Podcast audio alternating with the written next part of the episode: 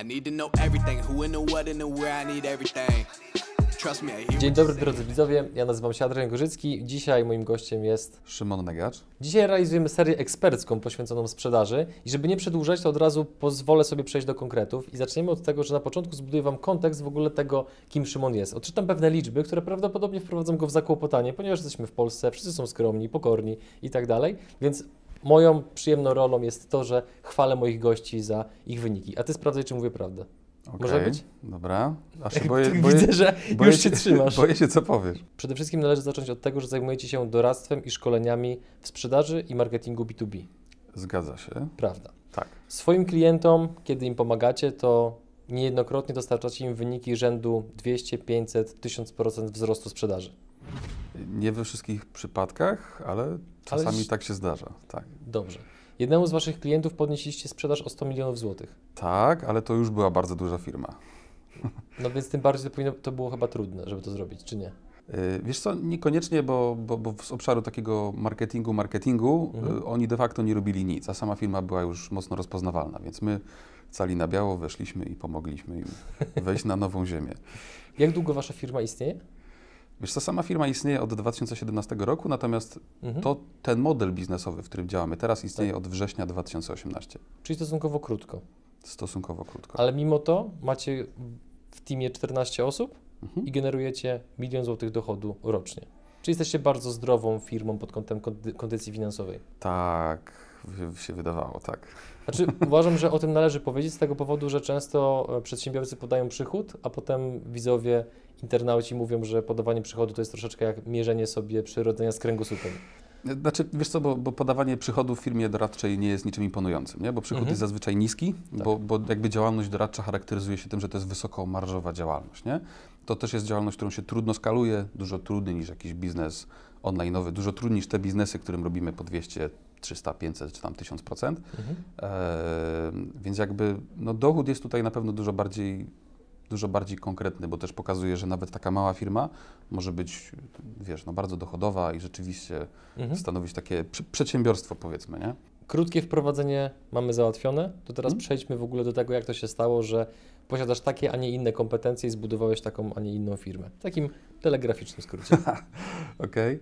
Eee, i- i Jak studiowałem informatykę, e, poszedłem na informatykę, bo bardzo lubiłem komputery. No, wie, wielu ludzi popełniło ten błąd. Potem spotkałem, e, spotkałem kolegów na, na studiach i jakby e, bardzo szybko doszedłem do wniosku, że wolałbym nie żyć w ogóle niż żyć jako programista. Mocne. Trudne, wiesz, bo to jednak y, jak, jak poszedłeś na wymarzony kierunek i zrozumiałeś, że to jednak nie jest to, co chcesz robić w życiu, no to fajnie byłoby jednak coś z tym zrobić, nie? I ja wtedy do- dość wcześnie, bo na drugim roku studiów znalazłem sobie pracę i miałem na tyle duże szczęście, że trafiłem do firmy, w której byłem jedenastym pracownikiem, y, a po pięciu latach było nas prawie 200 osób, mieliśmy kilkanaście spółek, Szybki na wzrost. całym świecie. Bardzo szybki wzrost od kilkunastu milionów do ponad 300 milionów przychodu. To był bardzo duży wzrost, o tyle też, że, że sama firma była bardzo innowacyjna. My robiliśmy marketing zanim to było modne. Dział marketingu miał kilkanaście osób. E, Wchodziliśmy w AdWordsy, kiedy AdWordsy się w ogóle pojawiały.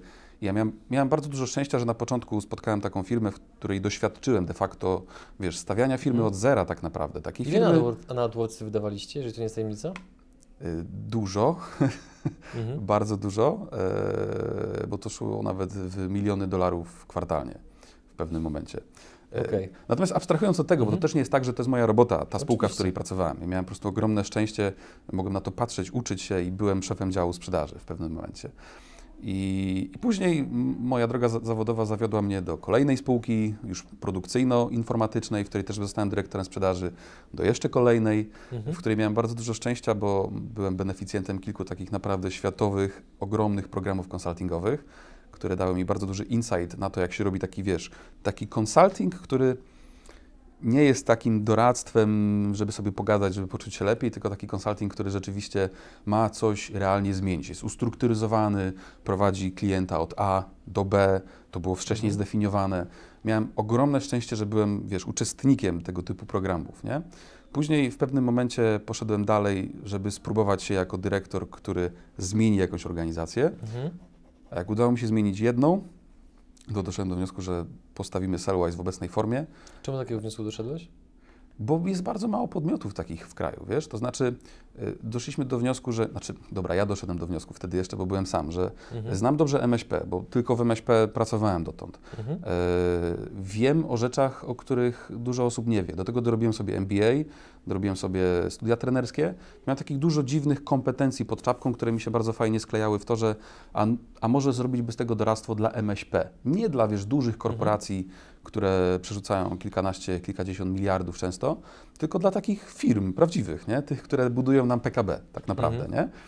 I, e, I taką dość pragmatyczną jednak mimo wszystko analizą e, przejrzałem pr- przedsiębiorstwa, które już są na rynku, które już to robią.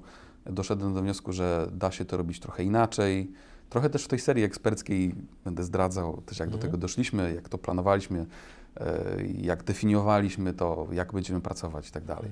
W każdym razie to była, to była bardzo pragmatyczna e, rzecz, m, zaplanowana, przemyślana i jakby rozwijamy się zgodnie z tym, co było założone od samego początku. Tutaj tylko wtrącę, czy mógłbyś naszym widzom powiedzieć, z jakich elementów seria ekspercka będzie się składała i dlaczego akurat z takich? Dobra, to, to tak, znaczy mówiąc też o naszej firmie, to uważam, że, że my jako firma rośniemy i dajemy wartość klientom, dlatego że wierzymy w procesy. W Sellwise jest bardzo dużo procesów, e, jest ich naprawdę dużo. Mhm. Um, u naszych klientów budujemy procesy i, i ta seria ekspercka niejako e, chciałbym, żeby była takim, takim momentem, w którym widz będzie mógł spojrzeć na tą sprzedaż i marketing jako proces, bo e, niestety jest takie przekonanie w bardzo wielu osobach, firmach, że sprzedaż to jest taka, wiesz, sztuka. Jak obraz malowany przez Mhm. malarza, za każdym razem wychodzi trochę inaczej, trzeba się umieć dostosować, czasami rzucić jakąś manipulacyjną techniką i w sumie to się zamknie, nie? E, to chciałbym trochę ten mi- mit rozbić. E, Odcinki po dzisiejszym e, to będą odcinki na def- zdefiniowanie tego, co chcecie robić w jaki sposób. Kolejny to będzie pozyskiwanie klientów potencjalnych. I ostatni to będzie jak temu potencjalnemu pozyskanemu klientowi rzeczywiście sprzedać. Obecny odcinek jest takim odcinkiem zero, gdzie w ogóle budujemy cały kontekst dotyczący właśnie sprzedaży i- marketingu B2B. Tak. That's right? Mam nadzieję, że to będzie przyjemna rozmowa z Tobą. Ale to zależy od Twoich pytań.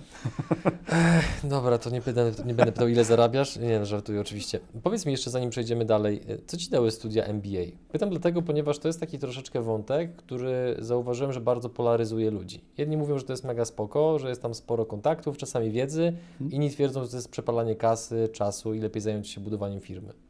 Rozumiem jednych i drugich, bo mam w sobie trochę z jednego przekonania i trochę z drugiego. Wiesz co, to co mi dały, to na pewno dały mi zrozumienie e, tego, że po studiach MBA wiedziałem, czego nie wiem. E, Bo to jest takie, wiesz, bardzo ogólne, pokrojowe spojrzenie na zarządzanie organizacją, nie na wszystkie jej obszary, na to, co trzeba wiedzieć, jak wiedzieć. Tam nie, to, to nie jest tak, że dowiadujesz się do detalu, nie? Dowiadujesz się różnego rodzaju ogólników z bardzo wielu różnych zagadnień, które tak naprawdę to raczej powinieneś sobie je później rozwinąć, jak już potrafisz je nazwać po samych studiach, nie? Prawdziwym A czym się kierowałeś wybierając studia MBA? Jakby, gdzie je w ogóle kończyłeś? Co miało wpływ, że wybrałeś akurat tą uczelnię, a nie inną? Wiesz co, to było z mojej perspektywy bardzo pragmatyczne, bo ja jestem z Gliwic, ze Śląska. E, marzyły mi się oczywiście studia MBA w Warszawie, e, na dużych uniwersytetach typu Uniwersytet Ko- Koźmińskiego chociażby. Natomiast e, jak doliczyłem koszty logistyczne, nie wyrażone w pieniądzach przeznaczonych na samochód i hotele, tylko koszty logistyczne wyrażone w czasie spędzonym Mhm. w podróży, to zdecydowałem się na, e, na WSB w Dąbrowie Górniczej, Mhm. bo było po prostu bliżej, a jednocześnie jakby po moim takim researchu też tych osób, które, które tam wykładają no, i samych ocen uczelni doszedłem do wniosku, że warto spróbować. Czyli ogólny werdykt jest taki, że lepiej jest pójść niż nie pójść. Czy to też zależy? Ach, kurczę, no właśnie to jest to, co Ci powiedziałem, nie? Że, Mhm. że rozumiem jednych i drugich, bo, bo widzę rzeczy, które, e, które zyskałem, ale na przykład e, nigdy nie zapomnę zajęć z innowacji w biznesie. Patrz, pięknie brzmi, nie? Mhm. Innowacje w biznesie. Masz I- nadzieję, że dowiesz się czegoś interesującego. Kurczę, nie? Dowiesz się, jak robić innowacyjne przedsiębiorstwa, nie? I przychodzi wykładowca, który przez pierwsze 4 godziny odpowiada o tym, jaki sukces zawodowy osiągnął, a przez kolejne 4 o, rozmawiamy o takim innowacyjnym portfelu, który jest chudy i, i, i w pewnym momencie gość podnosi rękę i mówi, że ale to, to w sumie jedyna innowacyjność polega na tym, że bilonówka została wyciągnięta i jest osobno. A on mówi, no tak, ale to jest innowacyjne, nie? No i to była puenta tych zajęć. Więc niestety czasami są takie zajęcia, że wiesz, trafisz na wykładowcę, który albo nie ma misji, albo poszedł tam tylko, żeby trochę zarobić Mhm. i no, no pech, nie? I tutaj rzeczywiście, wiesz, wybór uczelni, która to, wiesz, mądrze dobiera i jakby kontroluje takie rzeczy jest pewnie bardzo istotny. Także werdykt ostateczny jest taki, że jeżeli mm, jesteś na przykład specjalistą z jednej dziedziny tylko, na przykład zajmujesz się tylko marketingiem i chciałbyś zarządzać przedsiębiorstwem, super. Po MBA Mhm. dowiesz się, czego nie wiesz. MBA mamy załatwiony, wróćmy do samej firmy. Mhm. W założeniu to miała być firma typu One Stop Shop. O co chodzi? Tak, wiesz co, bo y, ja miałem taką hipotezę, że jak jestem, jak ja byłem dyrektorem sprzedaży, nie, bo miałem szczęście, że robiłem usługę dla kogoś, kto kim wcześniej byłem, nie? Więc jakby miałem ten mindset, rozumiałem mniej więcej, Mhm. e, jakie, jakie miałem problemy jako, jako ten dyrektor sprzedaży, nie? To tak, jedna firma wdrażała nam system CRM, druga firma robiła nam strategię, trzecia firma szkoliła nam handlowców, e, czwarta firma robiła nam marketing, piąta firma doradcza mówiła, że to wszystko jest do kitu ułożone, szósta firma doradcza Kto mówiła... pan to robił? No właśnie, nie? E, Szósta firma doradcza mówiła, że jeszcze coś innego w ogóle trzeba zrobić, tutaj trzeba pójść za granicę i ten tool trzeba wdrożyć, bo oni akurat go sprzedawali. Em, I miałem takie poczucie, że, że brakuje takiego rzeczywiście one-stop shopu na zasadzie takiej, że, że jest firma, w której dostajesz konsultanta, który prowadzi Twój projekt, który rozumie Twoje cele, który dowiaduje się, co Ty jako przedsiębiorca chcesz osiągnąć, pomaga Ci stwierdzić, czy to w ogóle jest sensowne, czy to jest realne, czy to jest osiągalne, nie? Później wypracowuje z Tobą plan dojścia, ale holistyczny. Nie, że zrobimy szkolenia, nie? tylko że Mhm. jeżeli, jeżeli trzeba zrobić szkolenia, mamy tam załogę ludzi, która rzeczywiście ich wymaga, rzeczywiście widzimy, że danie im wiedzy im pomoże, to zróbmy szkolenia. Ale one nie Mhm. zawsze są potrzebne, nie? Jeżeli firma potrzebuje procesów sprzedażowych, to zróbmy procesy sprzedażowe. Jeżeli potrzebuje marketingu, to zróbmy marketing. To jest też bardzo ciekawe, że u wielu klientów w ogóle nie robimy marketingu, bo ich grupa docelowa jest na, na niego na przykład niewrażliwa albo mało wrażliwa. Na przykład? Y, Wiesz co, podając przykład, mm, podając przykład branża folii stretch. Jest bardzo, e, jest bardzo jednorodna u nas w kraju. Jest dużo mocnych producentów e, folii stretch, e, którzy wszyscy się znają z imienia, nazwiska. Nie? I tam jest dużo łatwiej wywalczyć większy przychód sprawnością procesów sprzedażowych, prędkością obsługi, lepszemu komunikowaniu tego, czym ta nasza folia, czym ta nasza obsługa różni się od tego, co, co robi pozostała, jakby pozostała część rynku, nie? Mhm. Czyli jakby jest część takich modelów biznesowych, w których marketing, wiesz, brzmi bardzo fajnie jako pomysł, natomiast, y, natomiast bardzo ciężko wygenerować na tym zwrot z inwestycji, nie? Mhm. I wtedy wiesz, jak masz taką jedną osobę, jedną firmę, która panuje nad tym holistycznie i i jakby u nas w portfolio wybudowaliśmy 11 konsultantów, którzy są bardzo tematycznie podzieleni, nie? Ten się zna na tym, ten się zna na tym, ten się zna trochę na wszystkim, jakby wiemy wyraźnie, co oni robią, to my jako jedna firma potrafimy wziąć projekt, wyszkolić handlowców, wdrożyć system CRM, e, uruchomić procesy, usprawnić obsługę, jakby brać za to odpowiedzialność na całej linii, a nie mówić, że nam to nie Mhm. działa, bo tam ci od CRM-u zepsuli, ci od szkoleń źle wyszkolili i no Kto jest właśnie, winny? kto jest winny. A Mam takie poczucie, ja przynajmniej miałem takie poczucie, jak byłem dyrektorem sprzedaży, że jak kupowałem szkolenia, to trochę się czułem, wiesz, jak w sklepie z bułkami. Nie? Że wchodzę, leżą bułki na półce, ta jest pełnoziarnista, e, ta jest jasna, a ta jest z ziarenkami. Nie? No i teraz Mhm. która będzie fajniejsza, nie? No i kupujesz jedną z tych bułek, jesz i mówisz, no tak sobie, nie? Mogła być lepsza. To, Mhm. a my de facto jesteśmy zmuszeni do tego, że nie możemy użyć gotowego rozwiązania, bo jeżeli budujemy program rozwojowy dla każdego klienta z osobna, to nigdy nam się nie zdarzyło, żebyśmy wdrażali dwa takie same programy. Więc jakby tu widziałem tą niszę, tym Mhm. chciałem, żeby była firma. A tak zupełnie przy okazji miałem takie poczucie, że model biznesowy firmy szkoleniowej to jest jakiś strasznie dziwny model. Dlaczego? No bo żeby być rentownym, musisz cały czas nas sprzedawać tych szkoleń, nie? Mhm. I robisz te szkolenia, i robisz, i robisz, i robisz. A tutaj jest, piękne jest to, że, że u niektórych klientów my jesteśmy de facto już częścią zespołu. Tak naprawdę jesteśmy częścią tego zespołu, który rozwija tą firmę, że długo się znamy. Mhm. Nasz najstarszy klient, nasz pierwszy klient, który podpisał z nami umowę, jest do dzisiaj naszym klientem.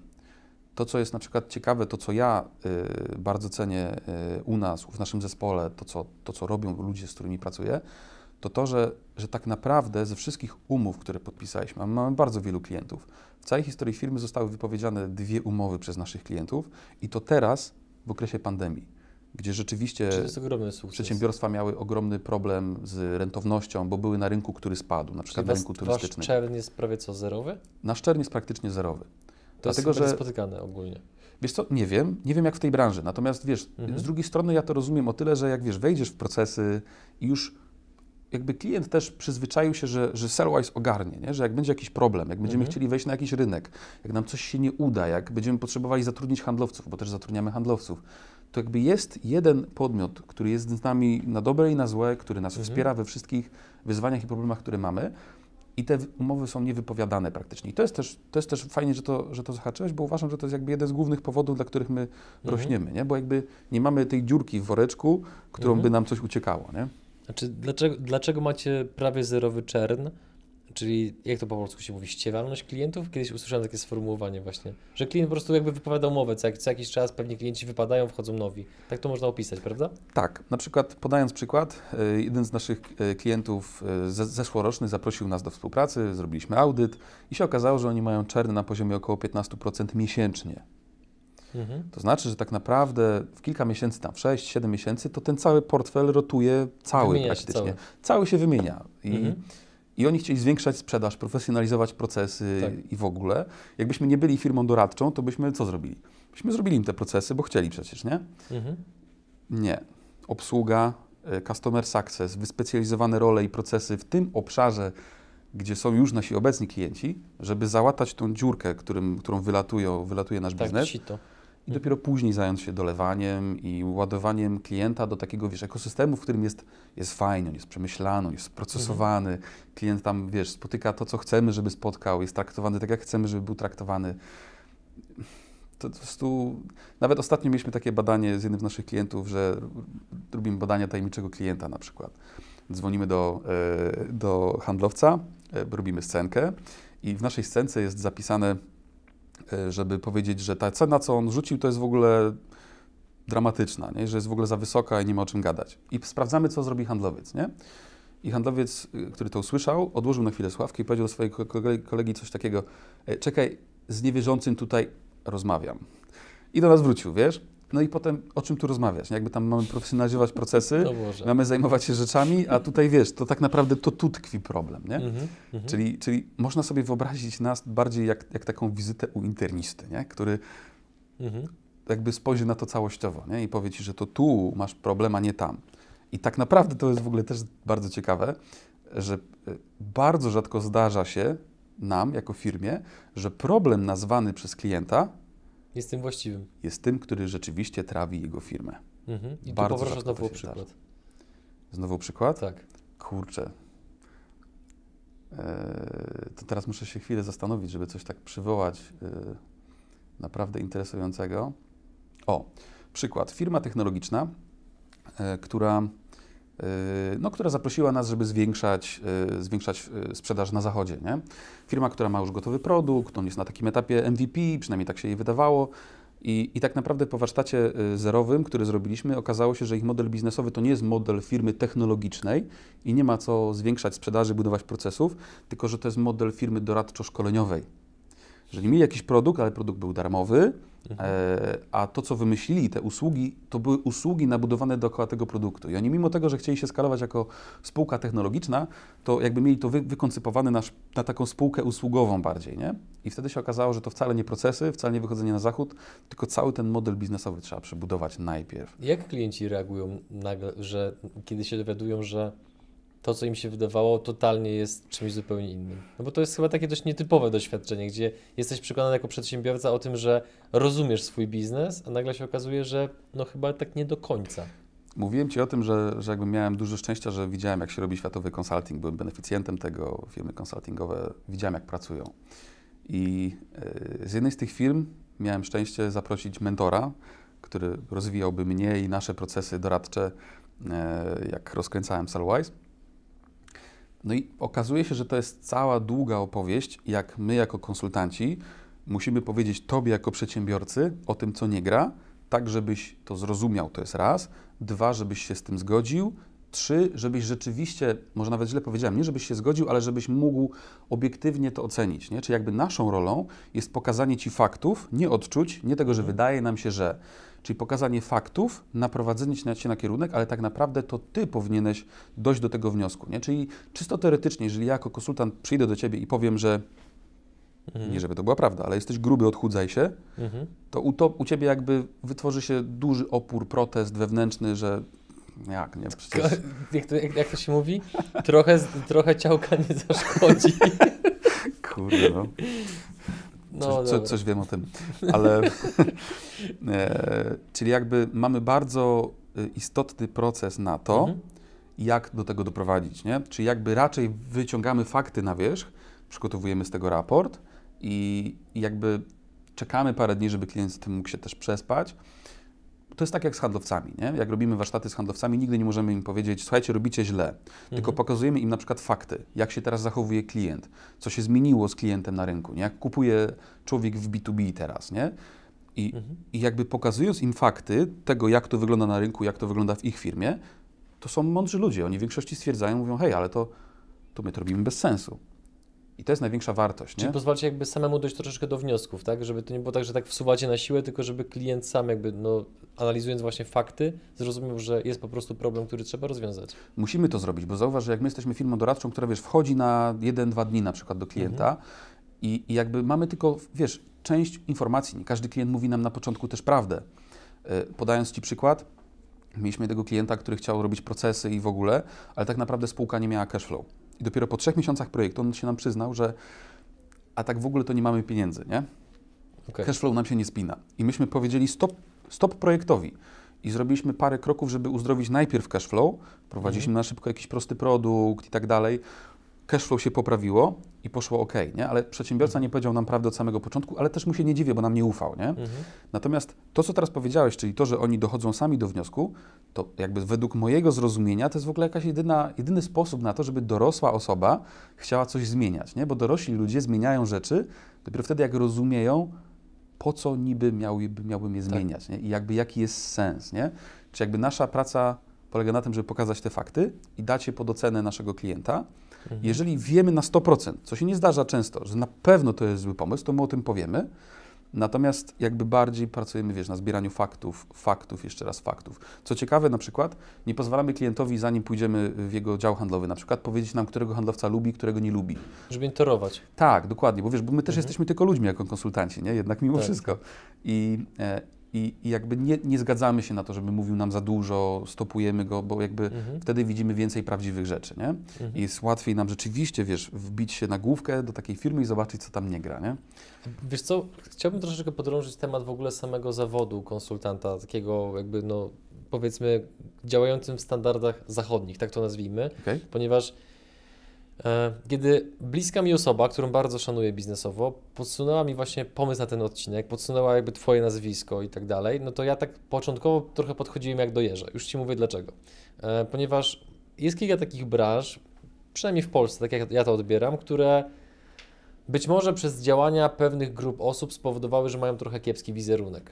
Przykład zawód coach. Na zachodzie zawód szanowany, w Polsce w pewnych kręgach, jak słyszysz to słowo, to taki pojawia się uśmiech politowania. Aha, jesteś coachem, czyli w sumie nie wiem, co robisz. I przez pewien czas mi się wydawało, że właśnie słowo konsultant jest takim e, jakby słowem, które tak nie, nie wiadomo, co do końca znaczy w polskiej gospodarce, że jest taka osoba, której płacisz jakiś kosmiczny hajs za to, żeby właśnie ci ona powiedziała, że no tak, warto, żebyś pytał klientów o zdanie. Okej, no i spoko, i co, co z tego wynika dalej? I ja na przykład właśnie przez to, że wczoraj mieliśmy okazję e, porozmawiać trochę dłużej właśnie e, na, na kolacji, no to ja sobie, wiesz, słuchając Ciebie uzmysłowiłem, ile wiesz, rzeczy my możemy usprawnić w naszym funkcjonowaniu, tutaj jakby przygód przedsiębiorców. Natomiast mm, to, co mnie ostatecznie przekonało do tego, żebyśmy ten wywiad zrobili, to jest właśnie to, że Wy jesteście bardzo transparentni. Prowadzicie podcast, macie bardzo przemyślaną stronę internetową, udostępniacie bardzo wiele informacji o tym, co robicie, jak robicie, dzięki czemu można troszeczkę od kuchni zobaczyć, w jakiej skali to się wszystko odbywa. I ten cały tutaj, powiedzmy, kontekst, który zbudowałem, chcę spuentować pytaniem, po czym, jak rozróżnić dobrego konsultanta od przeciętnego takiego udawacza? No bo jednak Niezależnie od tego, jak będziecie doskonali, nie obsłużycie wszystkich klientów w Polsce. Część z nich trafi w inne miejsca, więc uważam, że Ty, jako osoba posiadająca doświadczenie w tym segmencie, jesteś w stanie podpowiedzieć naszym widzom, na jakie czerwone lampki mogliby zwracać uwagę, że jeżeli konsultant robi X, to być może coś nie gra i warto się temu przyjrzeć. Okej, to we, weźmy na tapetę coacha, trenera i konsultanta. I sobie ich porównajmy. O Boże, święta trójca. Nie? Ja, ja już biorę popcorn. Ale Dajesz. wiesz, ale patrz, bo dla wszystkich, wy ludzi to, to jest dokładnie ta sama osoba, nie? Mhm. I teraz tak, coach to jest ktoś, kto pomaga ci wydobyć twój wewnętrzny potencjał, zadaje ci pytania i pomaga ci samemu dojść do rozwiązań, nie? Nie wnosi kontekstu merytorycznego, na przykład. Trener to jest ktoś, kto ma przelać na ciebie jakąś konkretną kompetencję. Typu, załóżmy, że nie umiesz chodzić jest trener chodzenia i on ci nauczy chodzić, nie? Pokaże ci, słuchaj, Mhm. tak masz nogę stawiać, tak masz zadawać pytania, trener sprzedaży, tak masz wykonywać ćwiczenia, trener personalny i tak dalej, nie? Czyli kupujesz sobie wiedzę, bardzo kierunkowo, nie Mhm. jesteś w stanie ją nazwać, chciałbym umieć to i jest trener. Trenerów sprzedaży jest masę. I teraz konsultant to jest ktoś, kto bazując na Twoich zasobach jako firmy, potrafi Cię doprowadzić do określonego celu. Nie? Czyli Ty mówisz, chciałbym być dwa razy większy za rok. Jak to zrobić? I konsultant, prawdziwy konsultant, ten dobry, nie rzuci się na to, super, to robimy, tylko powie Ci, że ok, możesz spuchnąć dwa razy w ten rok, ale to się będzie wiązało z tym, że na przykład dwu, trzykrotnie trzeba zwiększyć Twój dział sprzedaży, przez najbliższe pół roku nie będziesz spał, może na tym ucierpieć jakość Twoich produktów i usług, bo jesteś na przykład spółką wytwórczą, czyli konsultant to jest ktoś, który, kto między Twoim stanem dzisiejszym pomaga Ci go zdefiniować, zrozumieć, gdzie jesteś dzisiaj, Mhm. pomaga Ci doprecyzować, czy to miejsce, do którego chcesz się dostać, jest na pewno tym, do którego chcesz się dostać. I najważniejsze, nie podaje Ci jednej drogi, nie? tylko podaje Ci dwie, trzy, cztery, transparentnie, obiektywnie, mówiąc Ci o, e, o rezultatach. Nie? E, O rezultatach, o plusach, o minusach, o tym, czym, z czym to się wiąże, która droga będzie droższa, która będzie tańsza, która jest prostsza, ale, ale buduje mniejszą wiarygodność marki, która jest szybsza i tak dalej. To I teraz- cały czas będąc głosem sceptyków. Tak. Skąd konsultant to wie? Konsultant to wie tylko i wyłącznie z jednego powodu. To jest też drugi punkt, jak odróżnić konsultanta. Konsultant, żeby był dobrym konsultantem, musi być bardzo aktywnym konsultantem, czyli on musi aktualnie pracować na przykład z 15, z 20 spółkami, w przeszłości z kilkunastoma, z kilkudziesięcioma. Bo jakby mądrość konsultanta nie bierze się z tego, że on jest jakiś, wiesz, nad, Turboelokwentny. człowiek, Mhm. który przeczytał, wiesz, tysiąc książek i w ogóle o jejku, tylko że tak naprawdę insight prawdziwy Mhm. konsultanta bierze się z tego, że on to zrobił już w 40 firmach, widział co działa, widział co nie działa i jakby nie robił tego własnymi rękami, tylko był konsultantem, który pomagał to zrobić, patrzył, obserwował rezultaty, definiował Mhm. kolejne kroki, nie? I trzecia rzecz, najważniejsza. My mamy w claimie rozwój sprzedaży to proces. I, I ja w to bardzo wierzę, że jak masz przed sobą kogoś, kto się przedstawia, że jest konsultantem, to zapytaj go, w jaki sposób niby do tego punktu B mnie doprowadzisz, jaki jest ten twój proces, jak to niby będzie się działo, nie? Mhm. Czyli co takiego zrobisz od dzisiaj do tego rezultatu, że to będzie szło. I jak on odpowie, no wiesz, zależy, a, w sumie to zobaczymy, nie? Zróbmy, najpierw zróbmy szkolenie, to już wiesz, że coś nie gra, nie? Mhm. I jakby consulting to rzeczywiście jest proces, nie? To jest proces często zwinny. Tworzymy 2, 3, 4, 5, 15 hipotez. Za miesiąc wracamy sprawdzić je, czy, które się sprawdziły. Część z Mhm. nich zabijamy, no bo to w końcu pracujemy na żywym organizmie klienta, nie? Część bierzemy na warsztat, zaczynamy je rozwijać, później część dokładamy nowych hipotez w różnych Mhm. obszarach pozyskiwania klientów, obsługi, zarządzania działem sprzedaży, premiowania handlowców, budowania marketingu. Jest bardzo dużo obszarów, i konsultant to jest ktoś, kto potrafi procesowo zmieniać firmę. A z Twojej perspektywy, no bo e, może, przedsiębiorca może trafić najlepszego konsultanta, No. ale no może być czasami tak, że po prostu przedsiębiorca zamiast czaszki ma bunkier, nie? I tam się po prostu pewne informacje nie dostają. Takie czasami sytuacje bywają, każdemu z nas, to, nas, nas, z nas to się zdarza, że jesteśmy zamknięci na pewne informacje w niektórych obszarach, Mhm. więc jeżeli przyjmiemy, że teraz taki przedsiębiorca nas ogląda, który albo korzysta właśnie z usług, powiedzmy, idźmy w tym pozytywnym scenariuszu, korzysta z usług dobrego konsultanta, bądź zamierza korzystać z usług dobrego konsultanta, to co byś doradził takiemu przedsiębiorcy, żeby, czego, czego nie ma robić, żeby nie przeszkadzał temu konsultantowi w jego pracy? Tak naprawdę projekt doradczy to, naj, to jest jakby największe obciążenie jest po stronie klienta. Niestety. Nie? To, jest, to, jest tak jak, to jest tak jak z trenerem personalnym na tych, na tych ćwiczeniach. On, on mówi co i jak i dlaczego tak, a nie inaczej, ale tą pracę wykonać musisz ty. I, i to, jest, to, to, jest, to jest najważniejsze, że my bardzo istotnie komitujemy naszych klientów. Mówimy, słuchajcie, to jest naprawdę fajny pomysł, typu podcast. Mhm. Często podcast w biznesie wydaje się być świetnym, świetnym tematem, nie? że tu w ogóle pasuje nam do modelu, do persony, do wszystkiego nam pasuje, nie? Ale mówimy, ok, ale słuchaj, to jest bardzo dużo pracy, bardzo dużo wytrwałości ach, a jak przerwiesz, to cała robota wcześniej była po nic, nie? I, i to jest najważniejsze, żeby zrozumieć, że, że tak naprawdę konsultant zrobi ci tą drogę, pomoże ci ją przejść, powie ci czego unikać, ale to ty sam musisz nią pójść. I, i to jest bardzo istotna y, rzecz, którą sprawdzamy, czy na pewno jesteś pewny kliencie, że chcesz to zrobić, mhm. bo to może od ciebie wymagać niestety trudnych decyzji, na przykład, bo niestety czasami zdarza się, że na przykład trzeba redukować zespół i my jako firma doradcza musimy o tym powiedzieć klientowi. To jest bardzo bolesne, nie? Patrzymy mhm. mu prosto w oczy i mówimy, że w sytuacji, w której jesteście teraz, żeby była szansa, żeby to przedsiębiorstwo przetrwało, musicie się na przykład zredukować. I to jest bardzo bolesne, nie? Są oczywiście te fajne scenariusze, gdzie musimy rekrutować i tak dalej, ale znowuż, rekrutować to jest kolejny wysiłek, widzisz, nie? Czyli to mhm. jest najważniejsza rzecz. Nie, żeby mu nie przeszkadzać, żeby powiedzieć mu prawdę, dopuścić go do procesów, podpisać z nim mocną NDA-kę. Mhm. Po tego jest konsultant. Jak konsultant nie chce podpisać NDA-ki albo się boi, to nie bierzcie takiego konsultanta. Eee, ale to jakby najważniejsze jest to, żeby mieć w sobie przekonanie, że ja rzeczywiście chcę mhm. znaleźć się w tym punkcie B, że to nie jest taki, wiesz, bo warsztaty są bardzo przyjemne generowanie koncepcji jest bardzo przyjemne. Nie? Tam wiesz, zastanawianie się, a co byśmy zrobili na tym zachodzie, jest bardzo przyjemne. Przerwa od normalnej pracy, tak, lunch, być może gdzieś wyjazd jeszcze. Nawet my mieliśmy takiego jednego klienta w historii, który e, kupował warsztaty przez jakiś czas, bo, bo jakby fajnie było pogadać z kimś biznesowym. My po paru warsztatach zauważyliśmy, że on nie realizuje żadnych planów z tych, które ustalamy. Powiedzieliśmy mu o tym wprost I on powiedział też wprost, no, że chyba to tak właśnie on tak chciał tak mieć bardziej z kim pogadać niż, okay. niż coś tam zmieniać. I za to płacił po prostu. Tak, ale to było bez sensu, mhm. bo tym też wprost powiedzieliśmy, nie? że to od pogadania są lepsze firmy od nas mhm. I, i to był fajny moment bardzo, bo, bo on nam dorzucił zasoby, dotrudniliśmy dwóch dyrektorów, podzieliśmy na etapy mhm. i to się rzeczywiście zaczęło dziać, nie? przez to, że myśmy jakby wprost byli w stanie mu to powiedzieć. Nie?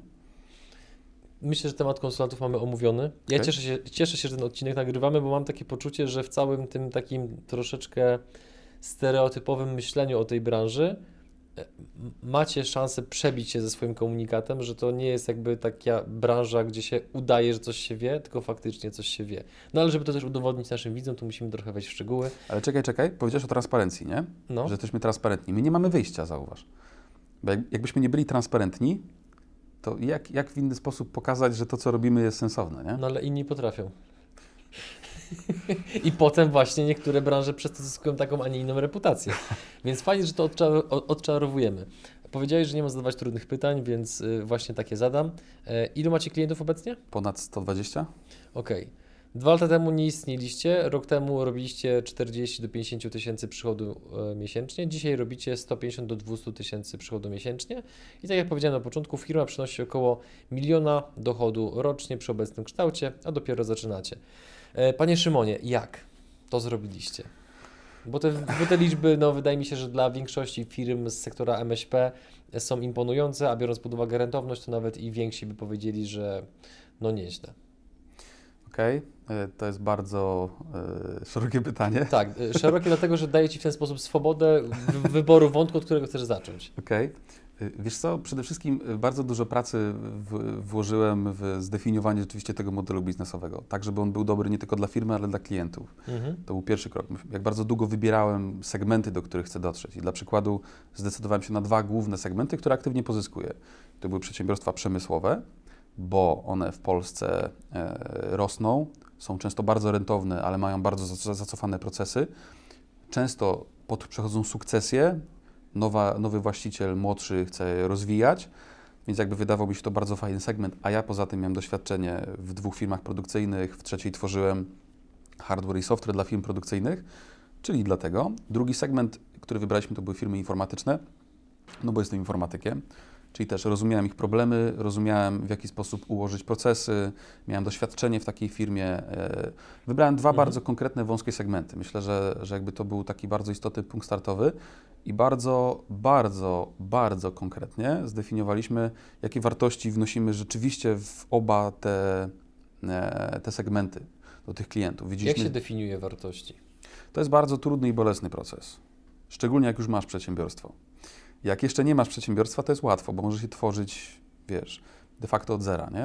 Mhm. Natomiast y, to jest szerokie pytanie i e, w kontekście na przykład firmy, która już istnieje, dokopywanie się do wartości jest bardzo trudne, bo jak za, zapytam Ciebie, co jest Twoją wartością jako firmy, to najczęściej klient odpowiada, mm, jesteśmy elastyczni, Mhm. e, mamy dobry stosunek jakości do ceny, to jest fajne, staramy się obsługiwać klientów jak najlepiej, Naprawdę tak mówią firmy? ale tak, absolutnie. I, i to, i to w, w jakiejś w ogóle diabelnej większości, bo zauważmy, nie pytamy często prezesa, ale ludzi w załodze, nie? Prezes być może ma bardzo wyraźną wizję, ale ludzie mówią rzeczy takie, nie? Czyli tak naprawdę nic nie mówią.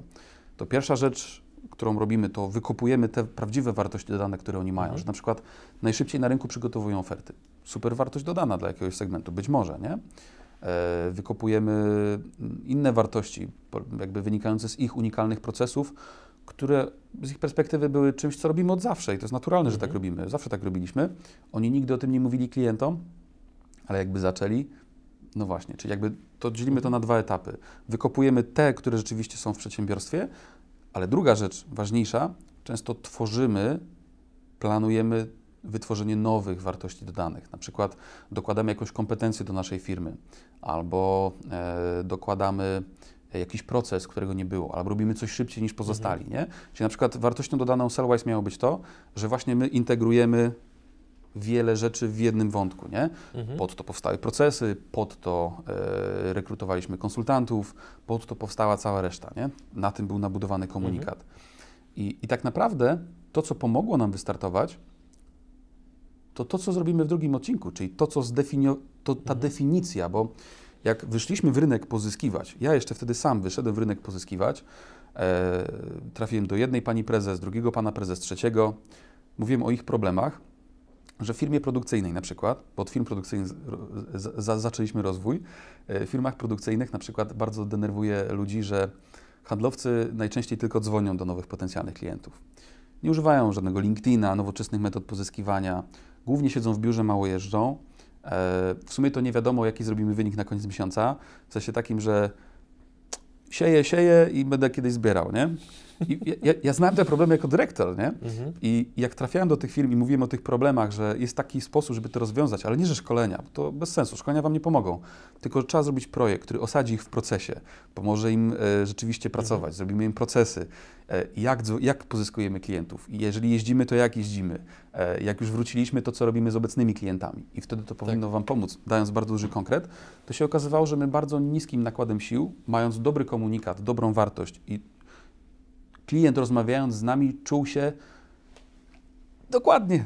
Jest tak, jak Pan Że mówił mnie u nas. rozumiecie, okej. Ale Pan to normalnie jakby u nas pracował. Skąd Pan to wie? Mhm. I, I jakby bardzo łatwo, dzięki temu, że to było dobrze zdefiniowane, było nam na początku pozyskać e, klientów, którzy dali paliwo na rozwój firmy. Bo to jest bardzo istotne, że na początku ja peł, z pełną premedytacją wypuściłem się po naj, największe firmy na rynku, które byłem w stanie obsługiwać, e, po to, żeby one dały też firmie paliwo na rozwój. Jak dały paliwo na rozwój, to, e, to jakby kolejnym krokiem było bardzo silne rozkręcanie marketingu, bardzo wielu różnych kanałów pozyskiwania klientów, bo my na dzisiaj pozyskujemy klientów na przykład na Spotify'u. Mhm. Za pomocą e, podcastu waszego. Wpisz w Spotify słowo sprzedaż Mhm. i pojawimy się my. Bardzo istotne, nie? Pozyskujemy klientów przez SEO. Wpisz w, w Google doradztwo sprzedaży albo szkolenie ze sprzedaży. Mhm. też znajdziesz tylko nas. Jakby bardzo konsekwentnie budowaliśmy marketing i też źródła prospectingowe, sprzedażowe, bo to jest istotne, że do klientów produkcyjnych łatwiej nam się dostać tradycyjnymi metodami sprzedażowymi, do firm informatycznych łatwiej nam się dostać marketingowo, nie? Mhm. Bardzo dużo wysiłku, zanim rozbudowałem zespół, włożyłem w bardzo przemyślane wybudowanie kanałów pozyskiwania biznesu. Bo tak naprawdę dzisiaj, kiedy my rozmawiamy, z dużą dozą prawdopodobieństwa zespół w Sellwise rozmawia z potencjalnym klientem i opracowuje dla niego e, plan, Mhm. ale ja już w tym nie uczestniczę. Proces, proces pozyskiwania klientów jest wybudowany, proces sprzedaży jest wybudowany. Mogę z tego jako przedsiębiorca wyjść i konsultować, pracować z klientami, rozmawiać z Tobą. Mhm. To jest dla mnie bardzo ważne. Tego tematu lekko dotknąłeś, ale mam to zapisane bardzo wyraźnie, że to musimy omówić. Dlaczego wierzysz w procesy? Jakby to pytanie, pomimo że jest ogólne i pomimo, że aż źle się czuję, że o nie pytam, bo jakby ja rozumiem jakby wagę procesów z tego powodu, że wszystkie osoby, które gdzieś tam w internecie śledzę, które mi jakkolwiek imponują biznesowo czy pod kątem sprzedaży i marketingu, to im dłużej ich śledzę, tym w pewnym momencie po prostu wszystko, jak takie drogi do Rzymu, prowadzą do słowa procesy. Procesy są absolutnym kluczem, żeby sprzedaż i marketing były powtarzalne, mierzalne, skuteczne i żebyśmy nie mieli takiego poczucia, że rzucamy makaronem o ścianę i patrzymy, co się przyklei, a co spadnie na podłogę. Więc skąd się u Ciebie wzięła ta wiara w procesy i co procesy dają firmie? To, co teraz powiedziałeś, to były główne zalety procesów. Nie ma za co, wyręczyłem Cię. Wiesz, proces docenia e, każda e, kobieta, która próbuje zrobić coś według przepisu babci. Mhm. I tam jest napisane dodaj szczyptę. To jest dramat. Nie? Czujesz? Mhm. I teraz wiesz, i większość procesów sprzedaży, czy w ogóle procesów, które my znajdujemy w firmach, to jest takie, no, najpierw tam gadamy z klientem, wiele o czym gadacie, a to zależy, nie? Ale potem tam czasami jedziemy, czasami nie jedziemy, no ale to, hmm, no zależy, no bo to wszystko zależy, bo wiesz, bo każdy klient jest inny, nie? Mhm. Ale na przykład ja znowuż definiując, planując, wymyśliłem sobie, że najgorsze, co mnie może spotkać w moim modelu biznesowym, to spotkania z klientami. Dlaczego? Czy strata czasu i tak dalej, czy coś jeszcze? Bo, bo wyobraź sobie, że konsultant, nie, który w tym dniu mógł konsultować dla klienta, de facto nie może tego zrobić. Czyli cały dzień jest wyjęty z pracy, mhm. nie pojechał do klienta, tylko widzi się z potencjalnym klientem gdzieś na miejscu w jego firmie. Nie? I teraz, jeżeli chcesz procesowo rozwiązać ten problem, czyli chcemy sprzedawać, chcemy rozkręcać sprzedaż, ale nie chcemy robić tego, tych spotkań, bo to jest dla nas, dla mnie za drogie, na papierze tak wyszło, że to jest za drogie, nierozsądne i głupie, to nie da się tego rozwiązać, yy, mówiąc ludziom, no to nie róbcie spotkań, nie? bo to nie jest rozwiązanie problemu, nie? Tak wiesz. No tak, trochę rada taka ogólna no bardzo. No. no i teraz właśnie, teraz trzeba opracować proces, bo po co klient organizuje spotkanie? Klient organizuje spotkanie, żeby e, jakby zniwelować poczucie ryzyka, że jesteś niesensowną osobą lub firmą. Nie? Głównie po to jest to spotkanie. Po to, żeby często pogodzić decydentów. Więc wybudujmy proces, który im to dostarczy mhm. bez fizycznego spotkania. Dlaczego mamy podcasty w portfolio? Dlatego, że nasz klient raz, że ma czas je słuchać, jest klientem, który często podróżuje autem, uprawia sport na siłowni, ma czas je słuchać, e, to tam budujemy wiarygodność. Po, po, drugie, sam proces sprzedaży, nie wchodząc w detale, jest zrobiony tak, że on de facto omija spotkanie i proces świadczenia naszej usługi jest tak skonstruowany, że pierwsze spotkanie z klientem to jest już spotkanie w ramach projektu. Takie mhm. pierwsze, prawie że niezobowiązujące, po którym można wszystko przerwać. Ale mówimy wprost takiemu klientowi, że to godzinne spotkanie możemy pokazać, że jesteśmy w 16 krajach i robimy fajne rzeczy, tak najczęściej te spotkania wyglądają, nie? Ale to nic nam nie wniesie. Zróbmy to, wiesz, mhm. tak naprawdę to zróbmy. I takie coś mogę rozwiązać tylko procesem. I to, że mogę dzisiaj z Tobą rozmawiać i jestem spokojny o to, że co się dzieje w firmie, jak przebiega sprzedaż, jak się dzieje marketing, co to w ogóle znaczy, że my robimy marketing, to daje mi kilka rzeczy. Raz, że mogę tu w ogóle z Tobą siedzieć i rozmawiać, nie muszę gasić tam pożarów, bo są procesy. Dwa, jak już mam te procesy, to mogę je poprawiać. Mhm. Nie da się poprawiać czegoś, co nie jest oprocesowane, bo każdy pomysł wtedy wydaje się fajny. Nie? Tak, tak. No nie? A tak wiesz, mamy fajny pomysł, wrzucamy do naszego procesu, za miesiąc patrzymy, czy jest lepiej, czy nie jest lepiej. Nie jest lepiej, usuwamy, jest lepiej, cieszymy się, szukamy kolejnego. Nie? Mhm. Czyli są procesy, które mogę świadomie rozwijać, ale przede wszystkim najważniejsza rzecz, mam przekonanie, że moje przedsiębiorstwo nie zniknie za miesiąc, bo te procesy są pomierzone.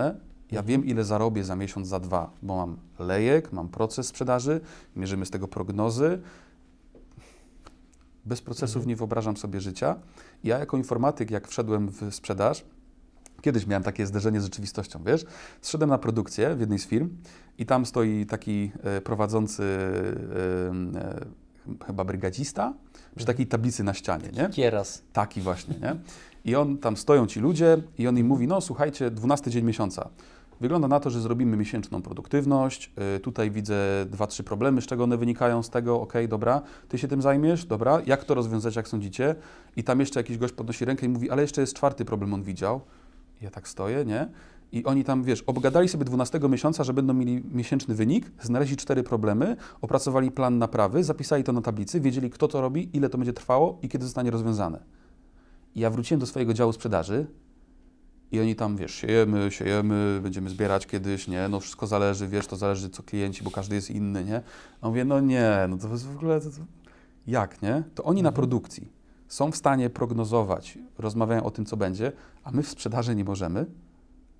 Wiesz, bo to, to, to jest rzeczywiście, jak masz sprzedaż jako sztukę, to zawsze ostatni dzień miesiąca jest zaskoczeniem. No zobaczymy, ile wyszło, nie? To jest też chyba trochę takie wygodniejsze dla, dla niektórych handlowców pod tym kątem, że jeżeli nie jest coś oprocesowane, nie można tego zmierzyć, no to potem tak naprawdę kreatywnym słownictwem, właśnie tak jak powiedziałeś, że to zależy, że siejemy, siejemy, można tak naprawdę w pewien sposób uzasadnić brak wyników, bo wszystko jest takie bardzo enigmatyczne, poplątane, pomieszane. Tak, wiesz, bo luty jest zawsze u nas słaby w branży. No i co zrobisz, no? Po prostu mówisz te wszystkie rzeczy, które ja niejednokrotnie słyszałem, ja bardziej z perspektywy właśnie marketera, gdzie w niektórych firmach są takie pewne stałe prawdy, które są nie do ruszenia. Po prostu w tym miesiącu musi być lipa, no i wszyscy już mają chyba utorowane umysły, że okay, to zwalniamy obroty o 50%, bo musi być lipa. Jak to powiedział mi jeden z handlowców w czasie projektu, dobry ziemniak, dobra frytka. Zły ziemniak, zła frytka. Mieliśmy naprawdę słabe lidy w tym miesiącu. No i, no i co zrobisz, no? A powiedz mi, bo y, pewnie na ten moment zrobiliśmy gdzieś tam pewnie ze, będzie ze 120 wywiadów, Bartek, myślisz? I zauważyłem taką właśnie cechę wspólną, że większość naszych gości, no akurat mamy tą, tą szczęście, to szczęście, zaszczyt i nobilitację, że możemy rozmawiać z przedsiębiorcami, którzy odnoszą sukcesy ja, ja, widzę, że u nich jakby słowo, słowo proces, procedura to jest taka rzecz bardzo powszechna i to nie jest nic zaskakującego. To też powoduje, że od nich czuć taki właśnie spokój, poczucie kontroli, to, że jak się zamykają z nami w studiu na 3, 4, 6 godzin, przez ten czas telefon jest wyłączony, to nie mają takiego nerwowego spoglądania, że może jednak zadzwonią, sprawdzą, bo coś tam się dzieje, mhm.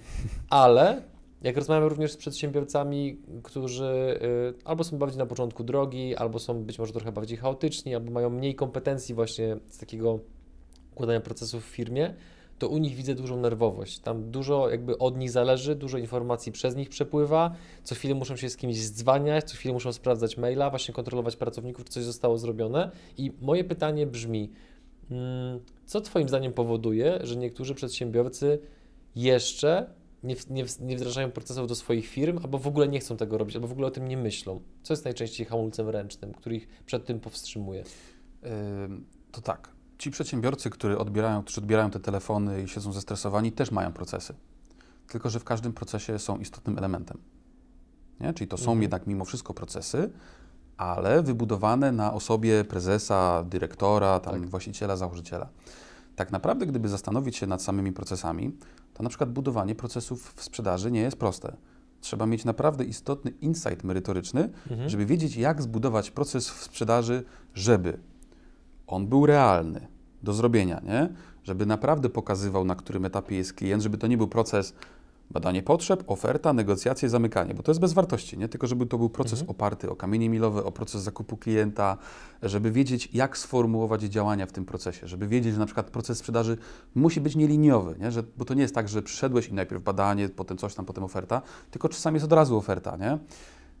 Żeby wiedzieć, w jaki sposób zbudować procesy, trzeba mieć naprawdę istotną wiedzę z tego, jak te procesy się buduje. To, że my, ja potrafię je na przykład osobiście budować, to jest naprawdę tylko i wyłącznie zasługa tego, że uczestniczyłem w tych projektach konsultingowych, mhm. widziałem, jak to się robi, zrobiłem to wiele razy. Wydaje mi się, że w większości przedsiębiorcy po prostu nie wiedzą, że na przykład proces to jest coś, co musi podlegać iteracji, jakby iteracyjnemu poprawianiu, nie? że to jest tylko i wyłącznie jakaś hipoteza na dzisiaj, że on musi być tworzony z zespołem, że on musi być stworzony w sposób, który umożliwi jego mierzenie, że on musi być, że on też musi żyć, że ludzie muszą chcieć tego używać, że na przykład to nie jest, to nie może być komunikat, bo tak się często zdarza, że prezes mówi, ja już wymyśliłem, jak będziemy sprzedawać, opisałem to w mailu i tam wysłał, nie? I, i wiesz, i oni tam przychodzą do niego i, i tam, true story zresztą, nie? W jednej, w jednej firmie e, pani prezes mi mówi, że my mamy tak zrobione, że u nas e, handlowcy, to oni mają taki specjalny, mamy taki trzyosobowy dział, który planuje naszym handlowcom trasy.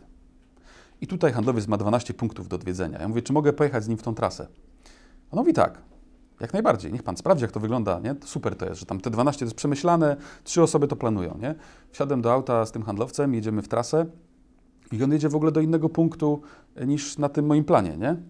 I ja tak go pytam, ty, ale to czemu ty jedziesz inaczej niż tu jest? A on tak, a, bo ty masz ten, ten. Nie, to nikt według tego nie jeździ. Nie? Czyli to jest... Czyli, czyli fikcja trochę. Czyli jest proces, który jest fikcją i tylko, mhm. tylko pani prezes się czuła dobrze z tym, że, że, że, to jest, ale nikt tego nie używał, to było nieżyciowe, nie? Czyli jest dużo takich procesów w firmach pobudowanych, nie? I trzeba...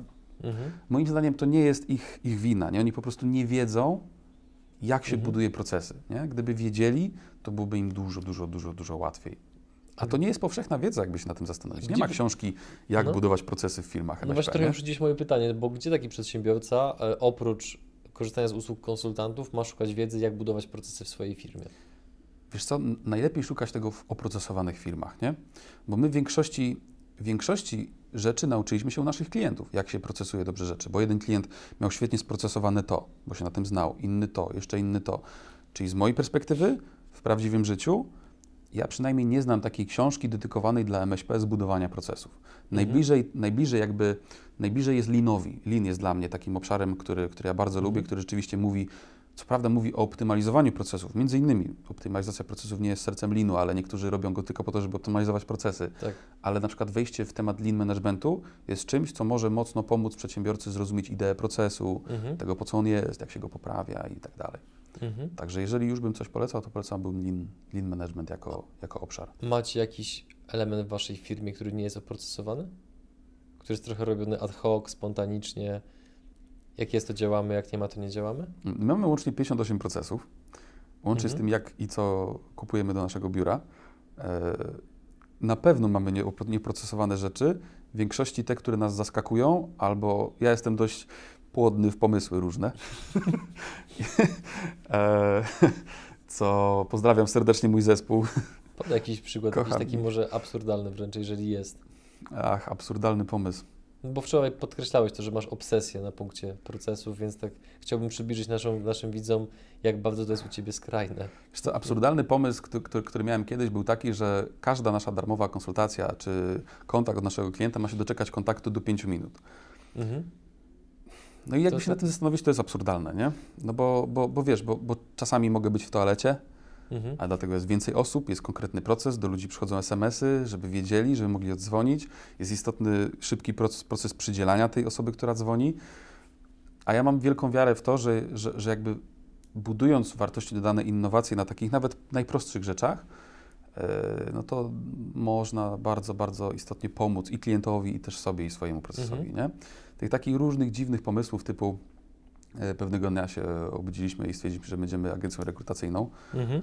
e, albo że koniecznie od przyszłego miesiąca musimy świadczyć usługi dofinansowane unijnie, w związku z tym musimy nabudować dużo certyfikatów i tak dalej, albo e, no, gdzieś tam w międzyczasie stawiamy obok dwa osobne przedsiębiorstwa, które też stawiamy naszym zespołem.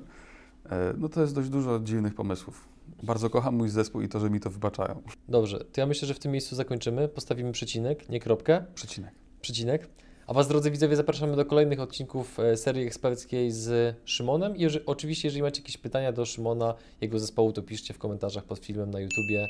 E, No i zachęcamy do kciuków w górę oraz subskrybowania kanału. Do zobaczenia w kolejnym odcinku. Cześć.